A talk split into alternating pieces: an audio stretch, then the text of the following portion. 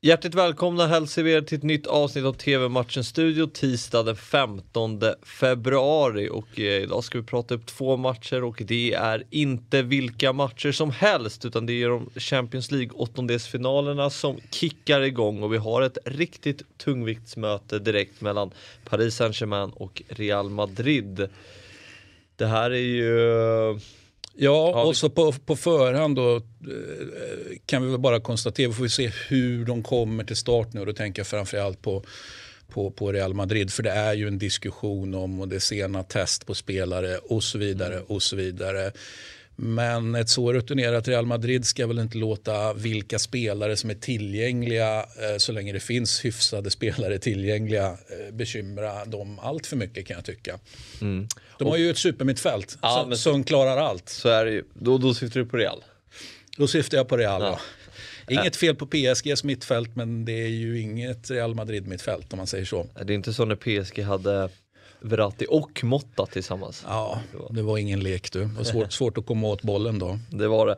Eh, men det här är ju två klubbar som givetvis tillhör favoriterna till att, eh, till att ta hem eh, bucklan. Mm. Och Real Madrid har ju haft en en väldigt fin eh, utveckling under Carlo Ancelotti. Det var ju liksom när han tog över var det lite oklart var Real Madrid stod någonstans. Och var Carlo Ancelotti stod efter att ha kraschat i Neapel och gått eh, helt okej okay, men inte fantastiskt. Initialt fint ändå i Everton mm. men avslutningsvis så fanns det ett frågetecken där också. Så det fanns ju frågetecken både Real och om det nu finns frågetecken på Real så kanske det fanns det. Men, men jag skulle säga att det framförallt fanns på Carlo Ancelotti. Mm. Men han vet ju det här med Champions League. Han har ju vunnit tre gånger och hur viktigt tror du en sån aspekt är i de här sammanhangen? Han, ska... ja, han vet ju hur man gör det här, ja. så är det ju. Eh, och framförallt nu när han fullt ut har comebackat. Jag tror att även en, en Carlo Ancelotti med frågetecken eh, kring sig liksom vet ändå hur man gör det i Champions League.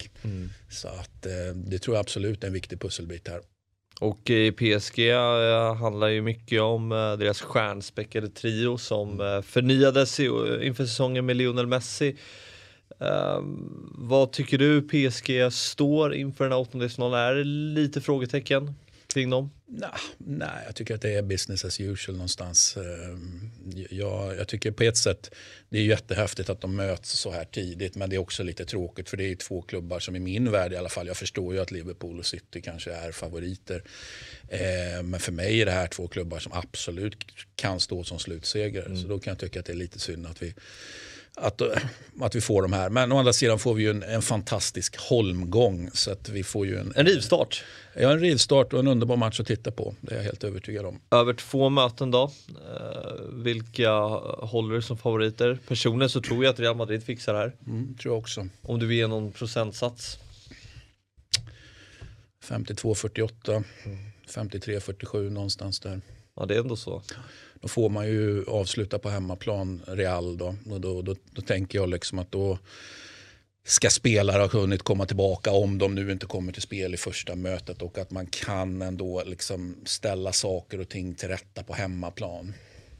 Ja, men så är det ju verkligen. Uh, nu är ju bortamålsregeln borta, är ju värt att nämna uh, också. Uh, skandal. Skandal tycker du? Jag är superpro, jag älskar bortamålsregeln. Det var väl Italien som...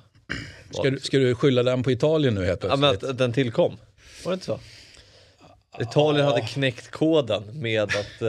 Ja, ja, du menar försvara uh, som ingen annan i världshistorien. Ja, okay. ja, men det är ju också ett sätt att se på det, liksom att, att uh, ja, men det var Italiens fel. Så att, och då är det inte så konstigt att jag vill ha den kvar. Det är det jag menar. Även om Italien inte kan försvara lika bra längre så, så hade jag gärna sett den kvar. Så mm. Och det här mötet då, vad tror vi? Första? Um, ja, över två, eh, så att säga, Real. Eh, det, det, kan vara uddamål eh, till PSG här också. Liksom. Jag, jag, jag, tycker att den är väldigt öppen. Jag kan, jag kan tänka mig att leka med, med liksom alla tre tecknen där man kanske lutar. Jag tycker ändå att jag lutar lite åt krysset. Mm. Hade det varit fredagskupongen hade du satt en etta? ja, det gör jag ju alltid där. Ja, uh, ja väldigt spännande match har vi att se fram emot. 21.00 PSG mot Real Madrid och ni ser den på Simor. Uh, nu till mötet mellan Sporting Lissabon och Manchester City. Uh, ett äh, möte som, äh, ja det, det, här kan väl egentligen över två möten bara sluta på ett sätt, eller? Korrekt. Mm. Det är City som går vidare här. Det finns ingen diskussion då. Vi som är lite svaga här i TV-matchens studio för Sporting hoppas dock att Sporting då kan ställa till med någonting. Men det tror vi ju inte överhuvudtaget. Nej. Pratar vi om 52 48 i det tidigare mötet så är vi ju på ja, men vi är på 90-10 någonting sånt. Mm. Det vill säga att det ska bara kunna sluta på ett sätt. Framförallt när det är två möten. Hade det varit ett möte då, då kan allting hända. Eller mer kan hända i alla fall. Två möten så ska, så ska inget kunna stoppa City här. Nej, um, det är, men det är kul ändå att ha Sporting Lissabon mm. tillbaka på, på den här scenen. Ja, det älskar vi ju. Ja, det gör vi. Uh, ja, den matchen startar också 21.00 och uh, även den sänds på Simor. Uh, det var allt för idag, men TV-matchens studio är givetvis tillbaka imorgon, imorgon igen då det är nya Champions League-matcher på agendan. Vi ses då, hej!